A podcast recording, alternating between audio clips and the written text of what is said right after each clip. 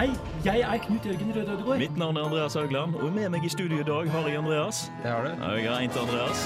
Vossafor. Bevegelse i atomer og sånn. Hvorfor er det åpenbart, Andreas? Fordi vi er best i alt. Vi går videre senere, ja. Faktisk. Korallrevene. Ringkorallrev. Maur lever samtidig som dinosaurene. Det er egentlig kjedelig, ganske vanlig, men I'm James Randi, and you're listening to Unillustrated Science. Science isn't about why, it's about why not. Gutta Boys i Uillustrert er tilbake fra sommerferie og er klare for å ta fatt på et nytt semester med radio, populærvitenskap og elleville fun facts. I denne ukens sending tar de for seg mye av det som har skjedd siden sist, både lokalt her i Trondheim og rundt omkring i verden. Vi prater om Starmus, orkaner og solformørkelser. Ja, Hjertelig velkommen tilbake til oss her i studio. Du hører på Uillustrert vitenskap på Radio Revolt. Vi har jo vært borte nå ganske lenge på en lang sommerferie, og det er lenge siden sist vi hadde sending, men vi er nå klare til å dekke det meste, ikke alt, men en god del av det som har skjedd siden sist. Mitt navn er Andreas Haugland, og med meg i dag har jeg Andreas. Det har du. Jeg har Andreas. Hei, hei. Jeg har Martin. Hallo, hallo. Og jeg har Jan Markus som gjester her for oss i dag. hei sann. Ja, Markus, eh, du har jo vært med i radioen i veldig lang fartstid, og for så vidt i studentermediene òg, for den saks skyld. Kan du fortelle litt om hvem du er? Ja, eh, jeg har vært starta i radioen i 2014 og var med der i en del år. uh, I Filmofil. Prata mye om film. Har vært gjester her noen få ganger før. Og akkurat nå driver jeg og lager ekkel mat for student-TV. Det høres ut som en veldig, veldig gøy aktivitet. Eh, Siden sist har jeg, Andreas og Andreas danna en Snapchat-gruppe for Andreaser. Det er ikke kødd. Vi er sånn 40 stykker nå. Andrea er også velkomne. Ja, Andreas eller Andrea, du må hete en av delene. Så hvis du heter Andreas eller Andrea, vennligst send uillustrert en, en melding på Facebook med snappen din, og så blir du lagt til i gruppa. Det er kalas, for å si det sånn. Men hva, hva har skjedd hos deg, Grepland? Nei, altså siden sist du tenker på? Ja, egentlig. Nei, så sånn personlig sånn. Bare jobba og drev med tull og tøys. Drev med tull og tøys. Ja. Gøyalt. Jan Markus? Vi har jo også tatt nepotismen til et helt nytt nivå. Alle vi tre har jo flytta sammen. Det har vi. Det er potensielt veldig farlige greier, men så langt så har det gått veldig bra. Vi lever i hvert fall så langt. Lever i hvert fall. Mye ablegøyer er det, og det skal bli det videre i sendingen. For vi skal ta en titt innom Forskningsnytt med Gutta Boys, eh, der Riple har sett litt på hva som har skjedd siden sist. Mye har skjedd siden uillustrert vitenskap var på lufta sist. Det har vært både store og små gjennombrudd gjennom hele sommeren. Og her er noen av de vi fant mest interessante. I tidlig mai så har det vært et ganske greit gjennombrudd innenfor robotikk. Eh, University of Minnesota har gjort fremskritt innenfor sensorteknologi i kunstig hud. Det vil være med på å hjelpe f.eks. roboter å kunne føle omgivelsene rundt seg. Eh, Og ikke minst vil det forbedre hudtransplantasjonen for mennesker. Denne kunstige huden som vi har kommet frem til, er fullstendig strekkbar og oppfører seg mer eller mindre som vanlig menneskehud. Det blir spennende å se hvordan den teknologien her blir implementert i fremtida.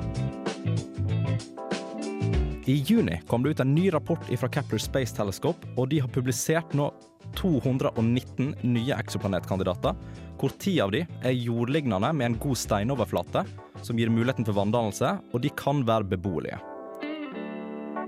Dette er jo da bare en liten brøkdel av hva Kepler har funnet. For øyeblikket er de oppe i rundt 4030 planeter, hvorav 2300 av de er eksoplaneter. Mye annet har jo òg skjedd siden sist. Ajax i Japan har bl.a. planer om å sende astronauter til månen i rundt 2030. Og hvis vi går bakover i tid igjen, så har det vært mye nyere forskning innenfor menneskets historie, bl.a. at vi utvandra fra Afrika trolig 200 000 år tidligere enn da vi trodde.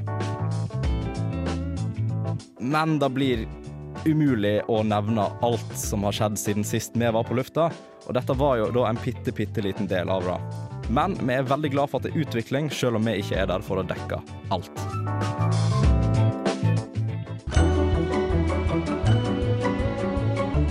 Du hører på uillustrert vitenskap på Radio Revolt. Nå med alle Andreasene du trenger, pluss to til.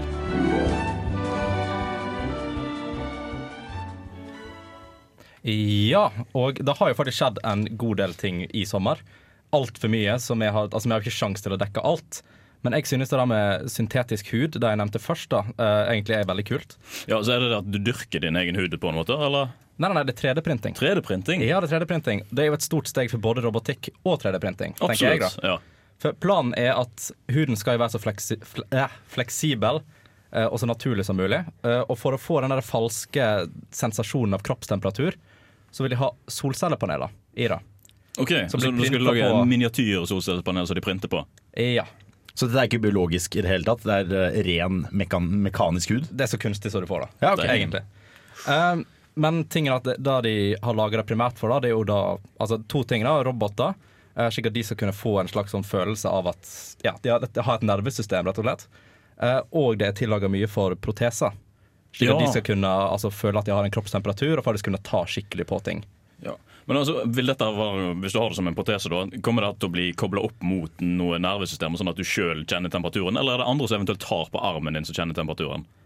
Eh, altså Den kroppstemperaturen blir jo kanskje litt for andre sin del òg. Ja, Ja, ok. ja, det blir jo egentlig det. Det er ikke sånn at eh, du tar på ei plate, så kjenner du at det, temperaturen endrer seg, rett og slett. Det er ikke sånn. Altså Da blir jo en litt annen teknologi Ja. enn det blir jo et, altså nerver kobla opp til resten av kroppen. Ja, da blir det litt annerledes. Ja. Uh, og så var det litt snakk om altså, eksoplaneter. Der uh, har jo du vært veldig aktiv, Andreas, før. Ja, jeg- Å, unnskyld. Det, unnskyld meg. Jeg er litt syk for øyeblikket. Uh, Eksoplaneter er jo en av de feteste områdene innen astronomi nå, da. Fordi det utvikler seg hele tida konstant. Ja, ja.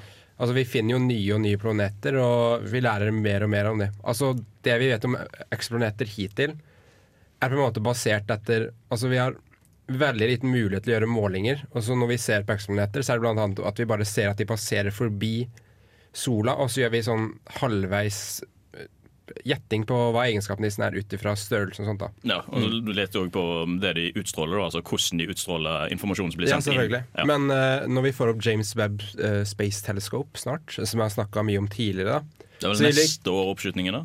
Uh, 2019, tror jeg 2019, det er. ja. Men jeg er ikke, ikke ta meg på ordet. Nei. Men det, den vil gjøre at vi kan gjøre mye mer komplisert spektroskopi på eksplanetene, og at vi da kan liksom vite skikkelig bra hva den kjemiske eh, komposisjonen er. Og at vi kan vite om den har hydrokarboner og andre ingredienser på liv, er veldig interessant. Mm. Mm. Uh, altså Noe annet enn jeg tenkte jeg skulle nevne, da som dette skjedde jo i april mens vi fortsatt var på lufta før sommeren. Uh, men The March of Science var jo noe som var ute og gikk. Starta jo i Washington DC. uh, som er en sånn protest mot Donald Trump eh, og hans liksom politikk. da Men rundt i hele verden, rundt 600 byer, så gikk folk i, eh, i ja, rallies, rallies da og feira vitenskapen. Og Ja, da- ok. Men var alle byene som en protest mot uh, The Duck, skulle jeg si? Eller? jeg, jeg tror det starta som en protest mot Trump, Ja, og så, gikk det videre til ble det et positivt aspekt, rett og slett, med det. Ja, Ja. egentlig. Uh, Men vi skal uh, videre litt, grann, og vi har vært så heldige at Jan Markus har vært på Starmus-festivalen i, før sommerferien. Nei, i sommerferien var det vel. Stemmer det. Stemmer. Og han fikk lov til å intervjue Lynn Rothschild, som jobber ved um, Amos Research Center for NASA. Var det vel? Stemmer. Ja. Uh, og vi har det intervjuet her nå, så vi skal høre første delen før vi går over til å prate litt om Starmus. Where do you think we're most likely to discover life in our solar system if we find something? So I think our best chance probably is going to be on one of these icy moons. So the, well, the ones that we're really talking about at this point are um, Europa, which is of course a moon of, of Jupiter. It's a Galilean moon. It's one of the four that, that Galileo himself discovered. Um, it's about the size of our own moon, covered with ice. It's got liquid water beneath the surface, um, salty ocean, and we think it's got organic carbon. So all the and a source of energy. All these are the things that you would need for life. Um, so I think those are probably the best places. Um, I'm sort of excited about Ganymede, which is another little moon that's similar to Europa um, from Jupiter. But you know, maybe some of our Ds are wrong. Certainly, Venus. Um, there should have been life there in the past. Same with Mars, if our ideas about the origin of life were correct. Whether there's still life there today or not, I'm not sure, but maybe we'd be able to find some relic. Not on the surface of Venus. Venus as I mentioned I talk is a hellish place today. It's got a um, atmospheric pressure about 90 times that of the Earth, and so it would just crunch your bones. And um, in addition to that, it's about 400 degrees and acidic, and you know, I mean, it's it's not a place you want to be. In fact, the story I heard is that the Russians sent some lead busts of Lenin to Venus, and so now there's some Lenin puddles on Venus. In fact, I have a colleague who's interesting. He's working on instruments to have another lander on the surface of Venus. And I hadn't thought about because the pressure is so great and the temperature is so high that electronics don't survive there. And so he's ending up making instruments that are going back to the sort of instruments that were made 400 years ago with the gears and so on, because you can make those of steel so it won't melt. Hmm. So I think it's kind of fascinating. And you also mentioned that you are uh, studying uh, synthetic biology. Exactly. How do you think that synthetic biology uh, might play a role in the future exploration of space? I think that synthetic biology is actually going to be the key. Um, one of the reasons for that is because it's extremely expensive to launch anything from the surface of the Earth, as we were talking about before. Yeah. But imagine instead of having to take your clothes with you and your food and so on, like the Apollo astronauts did, we just heard Charlie Duke this morning, everything that he needed had to be launched with him, plus backup. So his his oxygen to breathe, his um, clothes, his food. And I think I, I haven't told him this, but I think I've actually joked on radio saying that to go to Apollo, you just need to pack a few peanut butter sandwiches to the moon. but if you go for something longer like Mars, you can't afford to do that. It's a much longer trip. With current technologies, it's about six to nine months to get there, and then you have to stay for a while so the planets line up and then come back. So it could be two and a half years round trip. And to take that much oxygen and food and fuel and clothing and so on with you would be a losing enterprise because then it would be you'd have to have a bigger and bigger rocket. Um, becomes impossible. But if you think about it, life is perfect for these things because it can replicate itself, it can repair itself. Everything you eat was made by biology anyway. Um, although I wonder about some of the stuff in the grocery store. But anyway, um, you know, chemistry. Thinks think about. Um, Oh, even things that, that we. So think about beer and wine. Um, we use microbes to make alcohol and a lot of the other sorts of chemicals that we might need to make various things. Um, we can use microbes to pull out metals. We can do um, an enormous number of things. So we just take these capabilities for making food and fuel and clothing and so on and give these to microbes. And then the conceit is you could just take up a small quantity and then grow them up there.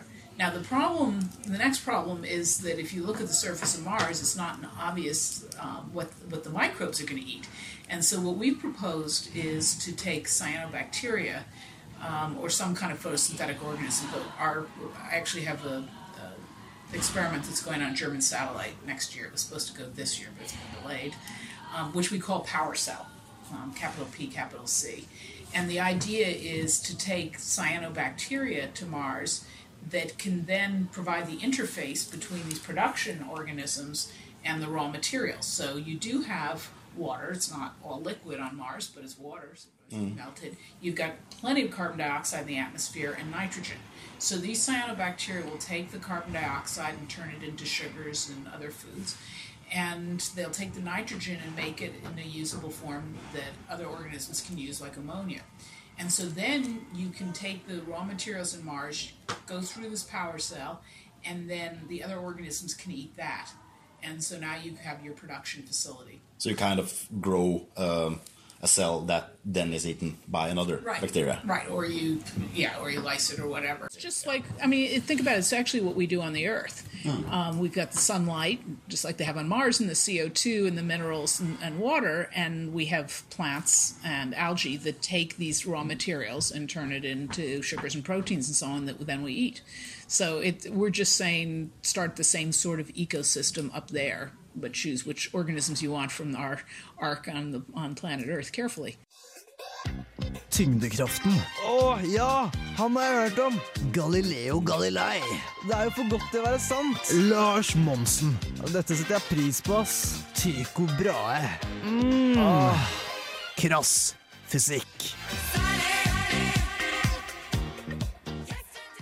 Ja, Lynn Rothschild hun er jo en biolog og ikke minst en astrobiolog. eh, som er et ganske spennende fagfelt, egentlig. Hun, hun driver og leter etter liv, eller muligheter for liv, eh, på andre planeter eller andre steder i verdensrommet, da, rett og slett. Og det er ikke sånn at Hun sammenligner de òg med mm, Hvis det er liv på jorda et sted, så utforsker mulighetene på, for at det kan skje andre steder. Ja, hun er rett og slett det nærmeste du kommer en vaskeekte alien hunter. Ja. Eh, for hun har, da en, eh, hun har da utdanning innenfor både astronomi og biologi, og bruker blant annet dette her. Hun holdt et foredrag på Starmus hvor hun sa at noe av det hun gjorde, var også sammenligne ekstreme forhold på jorda, og sammenligne dette her med ok, hvis vi vet at liv kan eksistere i så saltvann eller så høy temperatur eller så lav temperatur, så betyr det da at liv kan kanskje også eksistere innenfor disse rammene på andre planeter. Selvfølgelig sa han at det kan jo hende det eksisterer, kan eksistere utenfor disse rammene også, Mm. men da vet vi i hvert fall på et empirisk nivå at hvis det finnes på jorda innenfor disse rammene, så kan det også finnes på andre planeter. Ja, og det er jo eh, sånn som vi snakker også om eh, her i denne delen, da, at eh, å drive med uh, å dyrke bakterier, eller dyrke ting som du tar med deg som ressurser på romferder òg, er jo et utrolig spennende fagfelt, egentlig. For tenk, altså, tenk hvor mye du kan tjene da på å sende opp en rakett som er 100 tonn lettere enn et, det du må gjøre til vanlig. Ikke sant? Hvis du bare da tar eksempel istedenfor å ha en stor, uh, dyr elektrisk maskin som veier 2,5 tonn, hvor du liksom putter inn uh, ammoniakk og andre uh, Og putter inn biologiske molekyler, så har du da rett og slett bare en liten sånn gørrete klump som du kjører samme kjemikalier inn i, og så gjør celler arbeidet for deg. Det var tanken hennes hun sa at NASA er ikke så veldig glad i ting som du ikke kan skru av og på, Nei. og som ikke har blinkende lys. Men eh, hun prøvde da å drive sin egen lille lobbyvirksomhet. Da, NASA skulle fokusere mer på biologi da, og mulighetene det hadde for å ta med seg på en romferd. Ja. Uh, som vi skal høre om senere i del to av intervjuet, så snakk, prate om det der eh, med å ta med seg uh, liv og andre organismer ut i verdensrommet fordi det kan påvirke nettopp liv. Potensielt liv, da, selvsagt, da, eh, ved at det utsletter det eller utrydder det. Mm. Og det er, noe, det er jo det som er greia som NASA er så redd for, egentlig. da. Eller hvor mange land det er, ja, Så godt som alle land som driver med verdens romfart, og sånt, har signert eller skrevet under på en avtale om at ting skal være så og så sterile, og at du skal uh, ha rene forhold når du drar til verdensrommet, for at du ikke skal ødelegge potensielt annet liv, rett og slett. Mm. Selvfølgelig, Ulempen vil jo allerede være da hvis du har mennesker der. Ja, så er jo allerede biologisk eh, så til stede at da har det ikke noe å si om det Nei. er en liten eh, beholder til med noe greier. Det er jo nettopp det. Eh, Men du var jo òg dekka og så på andre ting på Starmus. Det er jo en utrolig stor forskningsfestival som vi var så heldige å ha her i Trondheim nå i sommer. Eh, Deriblant Buzz Aldrin var der og holdt foredrag. Ja, Buzz Aldrin var ikke der. Det Han var er- ikke der, nei. nei. det var uh, kom som en liten skuffelse brått oh. på ganske mange. For gamle menn kan ikke fly. Nei, akkurat. Og det som var da at både Stephen Hawking og Buzz Aldrin fikk da basically en legeerklæring som sa at dere skal ingen steder. Nei. Så det ble Skype på begge. Ja. Eh, og det er eh, Selvfølgelig, eh, folk vil jo på en måte ha det historiske, vil se dem før de dør. Eh, men det var også veldig mange andre veldig gode foredragsholdere som absolutt er å få med seg, verdt å få med seg, og som også kan ta opp fakkelen og på en måte fortsette å løpe litt videre. Ja, og det, det er jo noe som trengs, rett og slett. egentlig. Du trenger sånne ja, Mm. flaggmenn rett og slett, da, som bærer det for, for uh, science. rett og slett. I høyeste grad. Og det er hvordan Starmus kom til Trondheim. Det var vel egentlig Først så var det i 2011 på Kanariøyene. Deretter i 2014 også på Kanariøyene. Og i 2016 på Kanariøyene. Eh, og i 2016 så var eh, også eh, Edvard Moser, nobelprisvinneren, Ja. var innom for å prate litt. Og så snakket han med Garrick Israelin, som er en av grunnleggerne og kanskje hoved, uh, hovedeieren da, av Starmus-franchisen. Eh, og sa at kan ikke dere komme til Trondheim? Vi er sånn norsk eh, vitenskapsby. Og så uh, maste litt på Garrick Israelian om det. Og noen måneder etter at festivalen i 2016 var ferdig, så ringer Garrick Israelian og sier Hei, du, vi kommer til Trondheim. Ja, og Det er helt hinsides, for dette er jo store, kjente vitenskapsmenn fra hele verden. Mm. Som er velrenommerte, til og med nobelprisvinnere for den saks skyld òg. Det har vi jo her i Trondheim. Ja, Vi hadde jo et skikkelig sånn nobelprispanel, eh, nobelprisvinnerpanel, eh, under festivalen. Og det som også er gøy, er at Trondheim er det største festivalen har vært noen gang. Ja, Eh, den har, den starta jo veldig lite. Uh, slik festivaler gjerne gjør når man tar liksom sånn babyskritt. Mm. Men uh, nå i Trondheim så var den uh, det største festivalen noensinne har vært. Og det blir spennende å se også om hvordan festivalen kommer til å være. For jeg ringte også Fylkesmannen og prøvde å spørre Er dette noe som kommer til å bli hvert år. Eh, er dette noe som kommer til å bli annethvert år? Kommer det til å fortsette å være i Trondheim? Og der sa de at etter at festivalen var ferdig, så skulle de snakke om det og finne ut hvor eh, om det er nyttig for Trondheim, og om vi kan finansiere det, og om det lønner seg, og om det kommer til å skje igjen. Ja, ikke sant.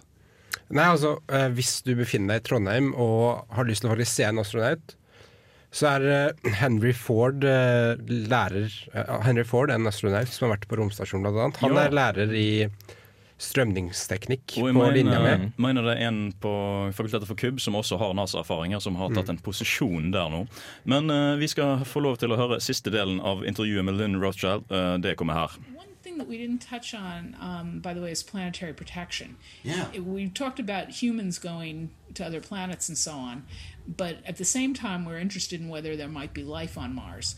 And so there is actually an international treaty called the COSPAR Treaty, C O S P A R. Um, it's Committee on Space Research, and a lot of countries have signed this. And so um, there's things that you can do and can't do in terms of contaminating other places that might have life on them.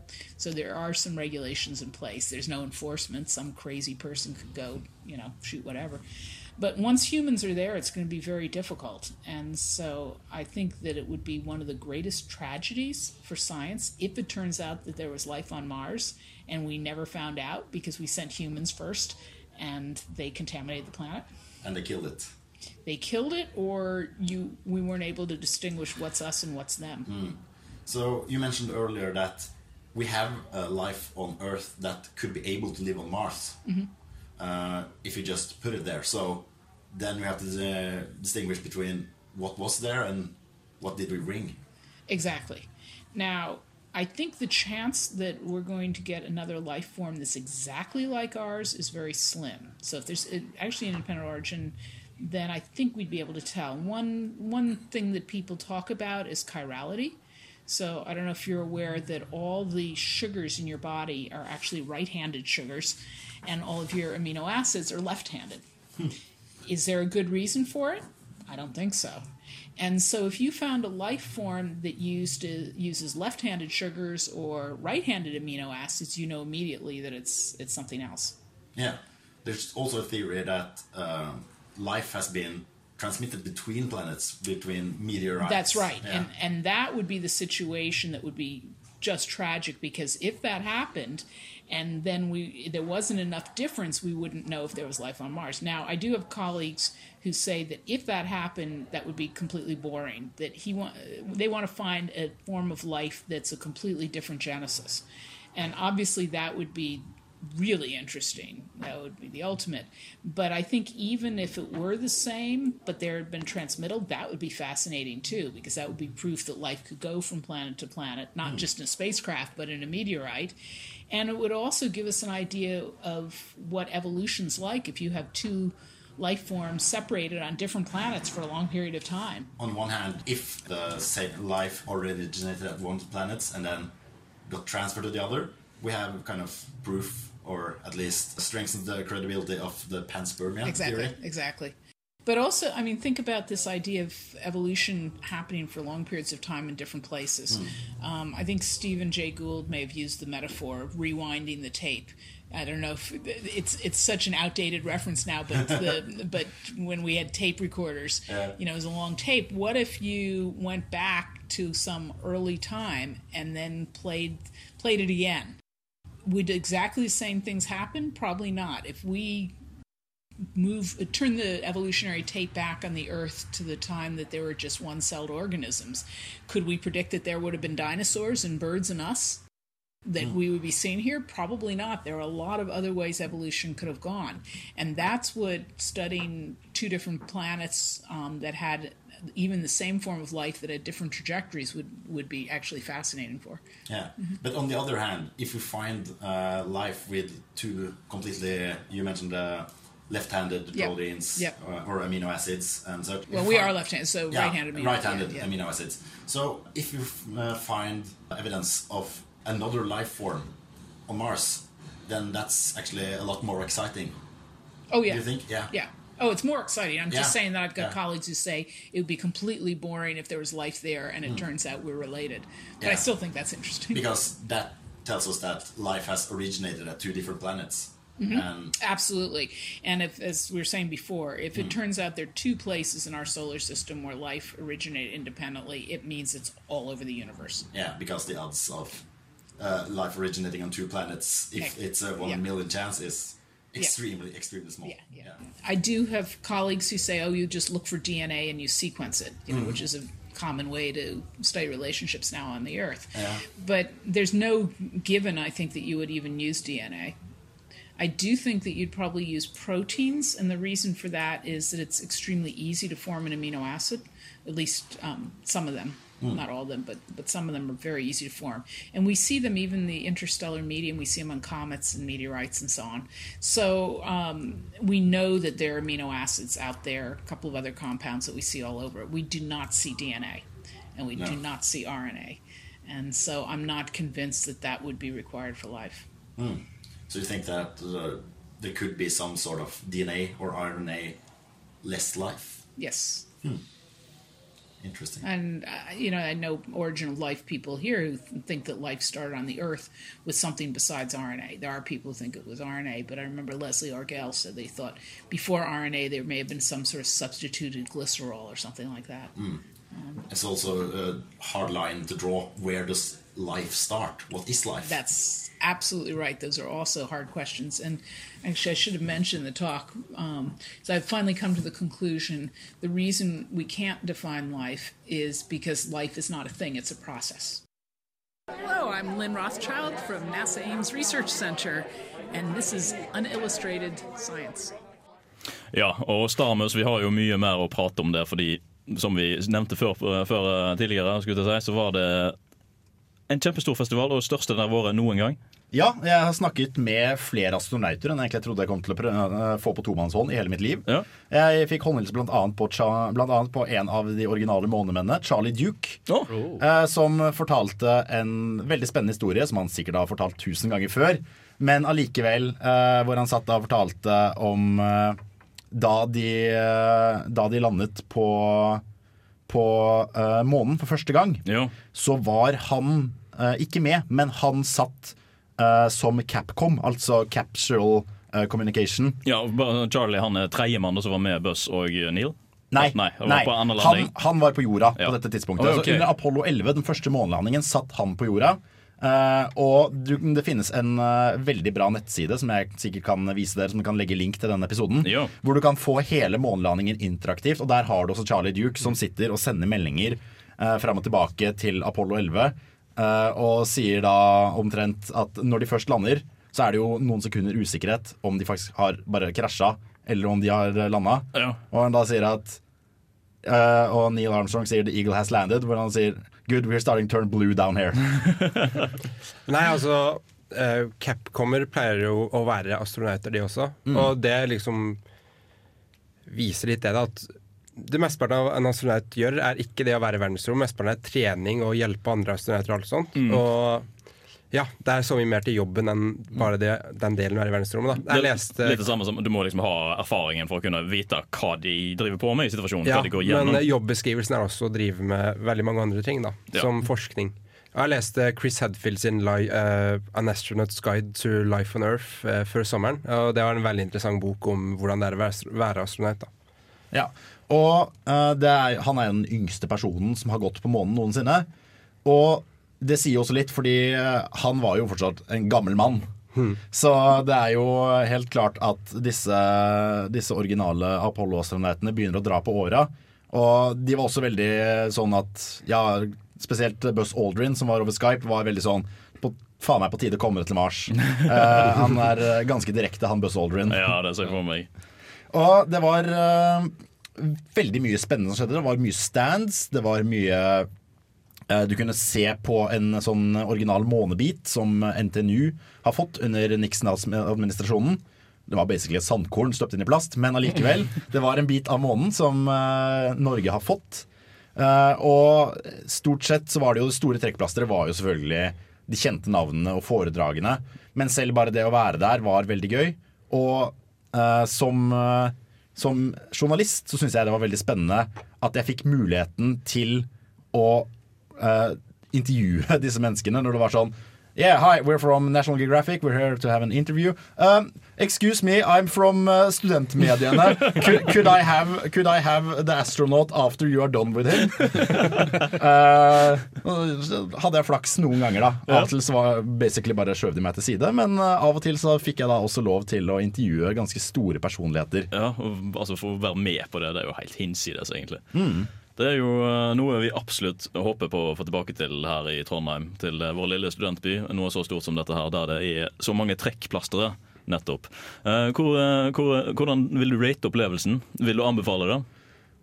Å være med på Stammensfestivalen? Det er siden jeg fikk pressepass, så var det jo gratis for min del. Ja. Og jeg fikk tilgang på bakrommet, så for min del var det jo 100 av 100. Ja. Uh, men jeg kan også se at mange stiller seg skeptiske til prisnivået, spesielt i en studentby, ja. hvor du må punge ut med Nå husker jeg ikke nøyaktig hvor mye det var, men det var nærmere 2000 kroner for én billett. Og det var et pass for hele festivalen nå? Ja. ja. Jeg tror det var nærmere 3000. Altså. Nærmere 3000. Ja. Jeg lurer på om det var litt billigere for studenter, men det var, det var ikke all verden om å gjøre. Nei. Uh, og selvfølgelig, Da skjønner jeg at du kanskje blir litt skuffa når du må se Stephen Hawking på Skype. Fordi Da kunne du like så godt sett han på et intervju på YouTube. Ja, ja. det var uh, hva skal vi si, Han er ikke så veldig interaktiv, uh, for å si det på den måten. Det, det, ja, jeg, jeg, satt hjemme og så Stephen Hawking-delen på TV, liksom. Så, mm. På TV ja. via Skype. Ja. Ja. Men det syns jeg er veldig bra at NRK har streamet store delen av Starmus live. Og det syns jeg er en veldig god ting. Som, hvis ikke du kan være der i levende live mm. og liksom få puste samme luft som disse månemennene og Neil deGrasse Tyson osv., så, så får du i hvert fall sett alt innholdet, få med deg all vitenskapen. Så den er allment tilgjengelig ja, for alle andre. Og det er på, å legge på nett enda. Det er jeg ikke helt sikker på. Men det er mulig. ja, Godt mulig. Mm. Um, vi skal over til litt andre saker. og Da har det jo nettopp vært en uh, liten orkan i Houston, Texas. Skal jeg si. Mm. Uh, nå skal vi snakke mer om fenomenet orkaner. før vi eh, drar og Det kommer også en liten fun fact inn der, så bare gled dere. ja. uh, og mot slutten skal vi snakke om den store solformørkelsen som var uh, før. Um, kom nå. Som dere sikkert har hørt om, så har Hurricane Harvey den siste uken herjet med deler av Texas. De store regnmengdene orkanen brakte med seg, har skapt krisetilstander der tusenvis er uten strøm, ly, mat og rent drikkevann. Og I lys av dette vil jeg snakke om orkaner og hvordan de oppstår. En orkan er det man kaller en tropisk storm. Om tropiske stormer brukes ordene orkan, tyfon og syklon om hverandre. De beskriver egentlig alle samme værfenomen, men man bruker forskjellige ord avhengig av hvor på jorda stormen oppstår. Orkan bruker f.eks. når den befinner seg i Atlanterhavet eller det nordøstre Stillehavet. Forholdene som har ligget til rette for en orkan, er varm, fuktig luft og et betydelig stort område av lavtrykk. En viss avstand fra ekvator er også til hjelp pga. Corioliseffekten. Corioliseffekten er strømvirvel i atmosfæren som er skapt av jordas rotasjon rundt egen akse. Disse er sterkere lengre vekk fra ekvator og hjelper da med orkanens dannelse og forflytning. Men hvordan dannes orkanen ut ifra disse forholdene? Liten fysikklessen her er at varm luft stiger og kald luft synker. Først fordamper varmt sjøvann og overfører varmeenergi til luften. Denne varme luften stiger opp i atmosfæren, hvor den blir kjølt ned av den kalde luften lenger oppe. Den nylig nedkjørte luften synker tilbake til havnivået, hvor den igjen blir varmet opp av sjøen.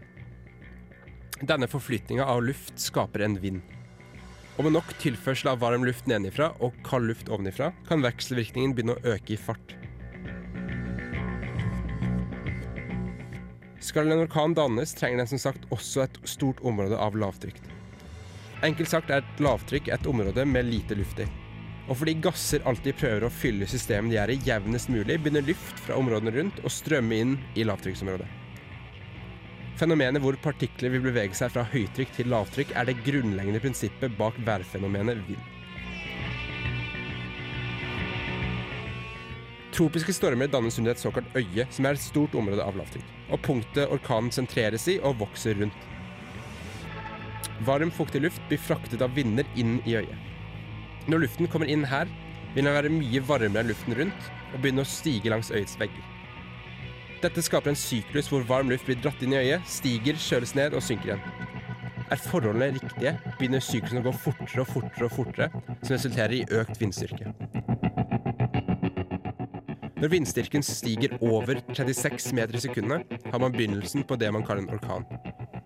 Men orkaner kan også få vindstyrker opptil tre ganger så høye som dette.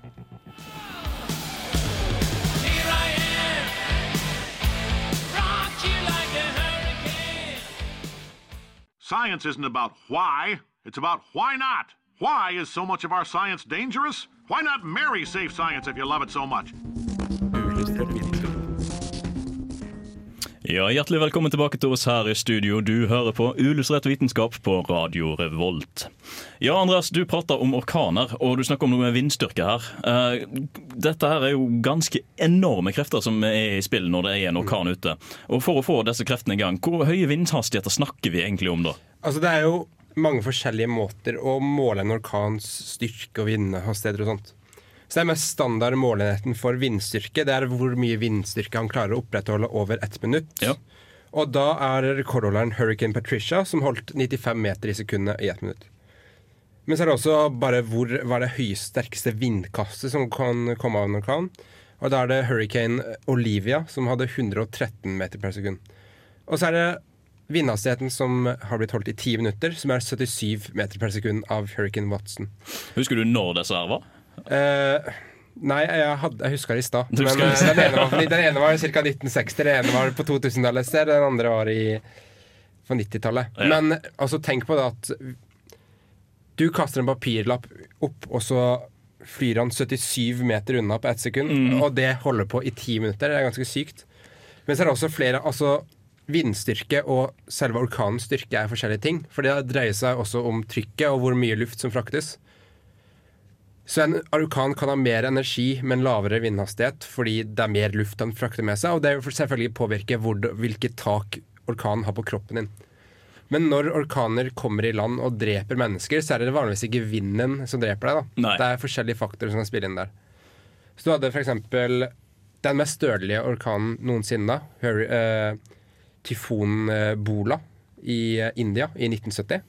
Og Der ser jeg for meg det er mye infrastruktur å ta tak i som kan ja. uh, fly rundt. Men uh, den drepte 500 000 mennesker, og måten den drepte folk, det var at uh, vannmengdene orkanen tok med seg når han traff land, var såpass store da, at den flodbølgen Eller nei, det blir ikke flodbølge så mye som blir en slags tidevann.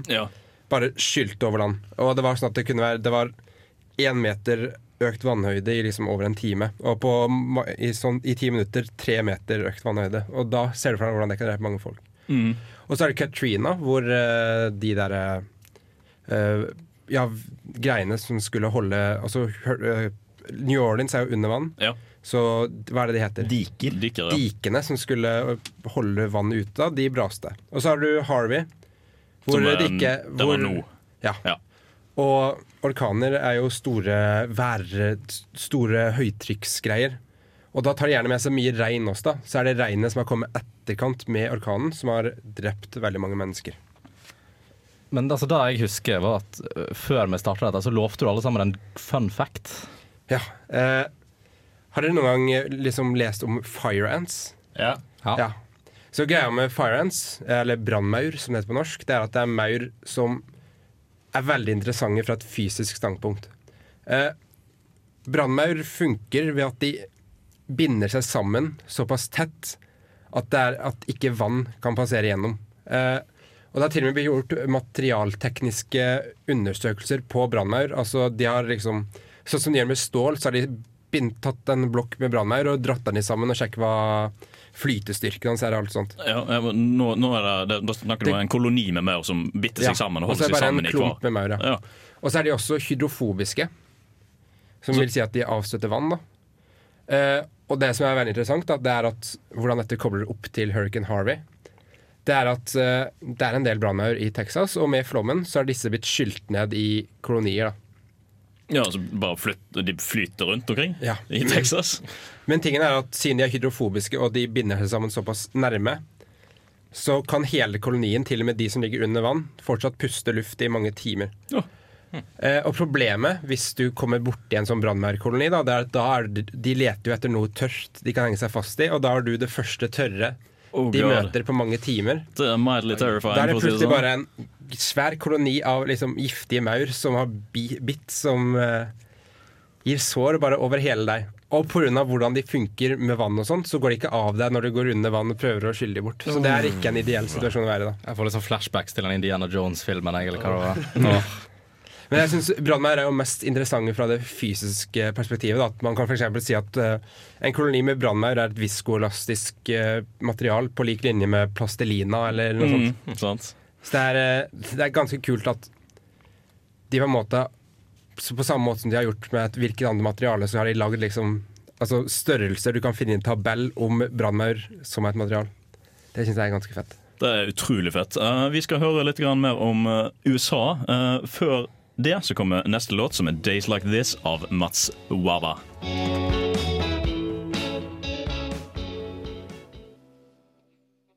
So, this is Richard Wiseman, author of 59 Seconds, and you are listening to Unillustrated Science. Enjoy. En skygge falt over USA i sommer. Fordi det var solformørkelse i år. Solformørkelsen var total i en buet linje fra Idaho 21.8 klokken 10.16 til South Carolina klokken 14.48, og en estimert 12 millioner mennesker kunne få med seg begivenheten om de var tidlig nok oppe. Ellers kunne rundt 500 millioner canadiere, meksikanere og andre amerikanere få med seg en delvis solformørkelse. Men hvorfor inntreffer en solformørkelse? Jo, fordi månen av og til kommer mellom jorden og solen. For selv om solen er 400 ganger bredere enn månen, er også distansen mellom solen og jorden omtrent 400 ganger større enn distansen mellom jorden og månen. Det betyr at sonen der solformørkelsen er total, kan dekke et område med bredde på opptil 264 km, og varer i 7 minutter og 34 sekunder på ett sted. Resten av skyggen dekker et mye større område, men der er formørkelsen kun varierende grader av delvis. En solformørkelse kan også være ringformet. Dette inntreffer når helskyggen, som er formet som en kjegle, ikke når helt inn til jordens overflate. Hvert århundre inntreffer på verdensbasis i gjennomsnitt 237,5 solformørkelser, der 84 er partielle, 77,3 er ringformede, 10,5 er ringformede til totale, og 65,9 er totale. Men hvis man skal få med seg en total solformørkelse litt oftere enn 0 til 2 ganger i livet, så må man nok eh, reise litt. Grann. The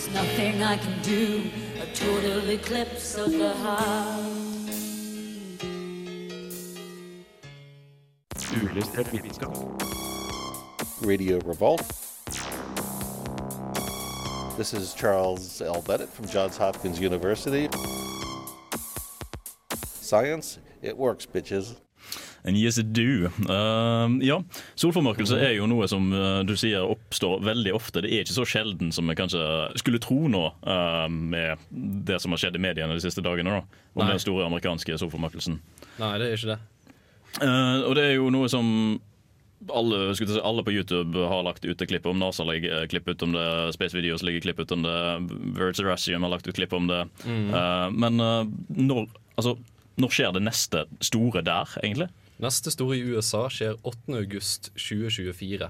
Men den beveger seg kun fra Texas til Maine. Det som var spesielt med denne, her var at den gikk fra kyst til kyst. Ja, for Denne her blir da fra sør, sørdelen av USA da, og opp nordover. Ja, neste, den 2024. Ja, er neste, ja. Ja. Eh, selv om, og det var jo den store nyheten at den gikk fra kyst til kyst, selv om eh, i Norge ble jo kanskje den store nyheten at Trump så på solen. Ja. så jeg var, jeg var jo sjekket twitt Twitteren hans om han hadde lagt ut noe om det, om det sto noe sånn I have the best eyes, best eyes in the world, CNN, fake news, just jealous. Men han hadde ikke gjort det, så ja, ja.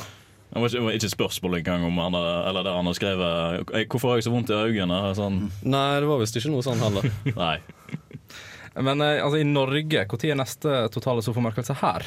16. oktober 2126. Hey. 2126. Men, ja, altså, det, det, skjer en, det skjer en før det, på 2061, tror jeg det var. Ja. Men den er oppe i Svalbard. Det er vel det, er det Mm. samme som den som var i 2015, der som vi fikk oppleve i Trondheim som en delvis solformørkelse. Ja, det var en fullstendig solformørkelse i eh, 2015 over Svalbard, uh, som trakk hinsides mengde med turister, for alle hotellene var booka i lang tid. De ble booka på sånn 80-tallet, tror jeg det var. Ja, nettopp.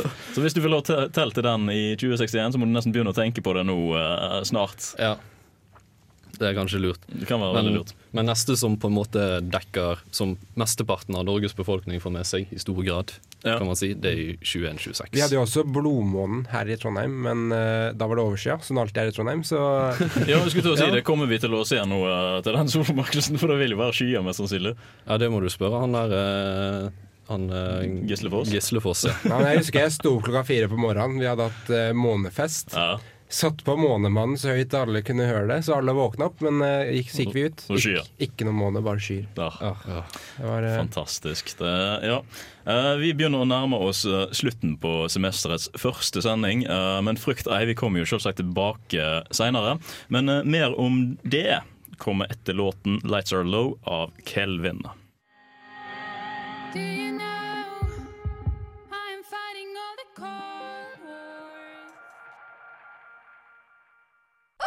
Oh! Yeah. Yeah. Yeah. Oh, yeah. What up? Oh, yeah, you know that. Det er Torstein Hyl, og jeg hører kun på Radio Revolt. God stil! Og det gjør du òg nå, du lytter på Radio Revolt. Jeg må også rette meg sjøl, for det var ikke Kelvin, men de har byttet navn til IMK. Ja, det har vært gøy i dag i studio. Ja! Ja! Det er bra. Eh, vi kommer tilbake forhåpentligvis eh, så snart som neste uke. Og da har vi så mye som en helt ny person som er fast medlem av Uillustrert vitenskap.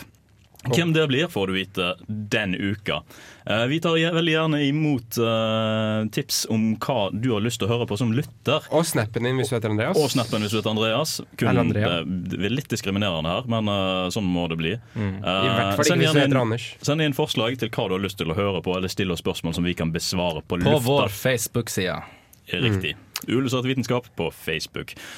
Du finner også podkasten vår på alle mulige podkasttjenester direkte etter de har gått på lufta live. .no Mitt navn er vært Andreas Haugland. Med meg som tekniker har jeg hatt Endre. Jeg har hatt med meg Andreas og Andreas i studio. Martin og ikke minst Jan Markus. Takk for at du kom, for at du var en utmerket gjest for oss her i dag. Du Takk, har takk. hørt på Uillustrert vitenskap.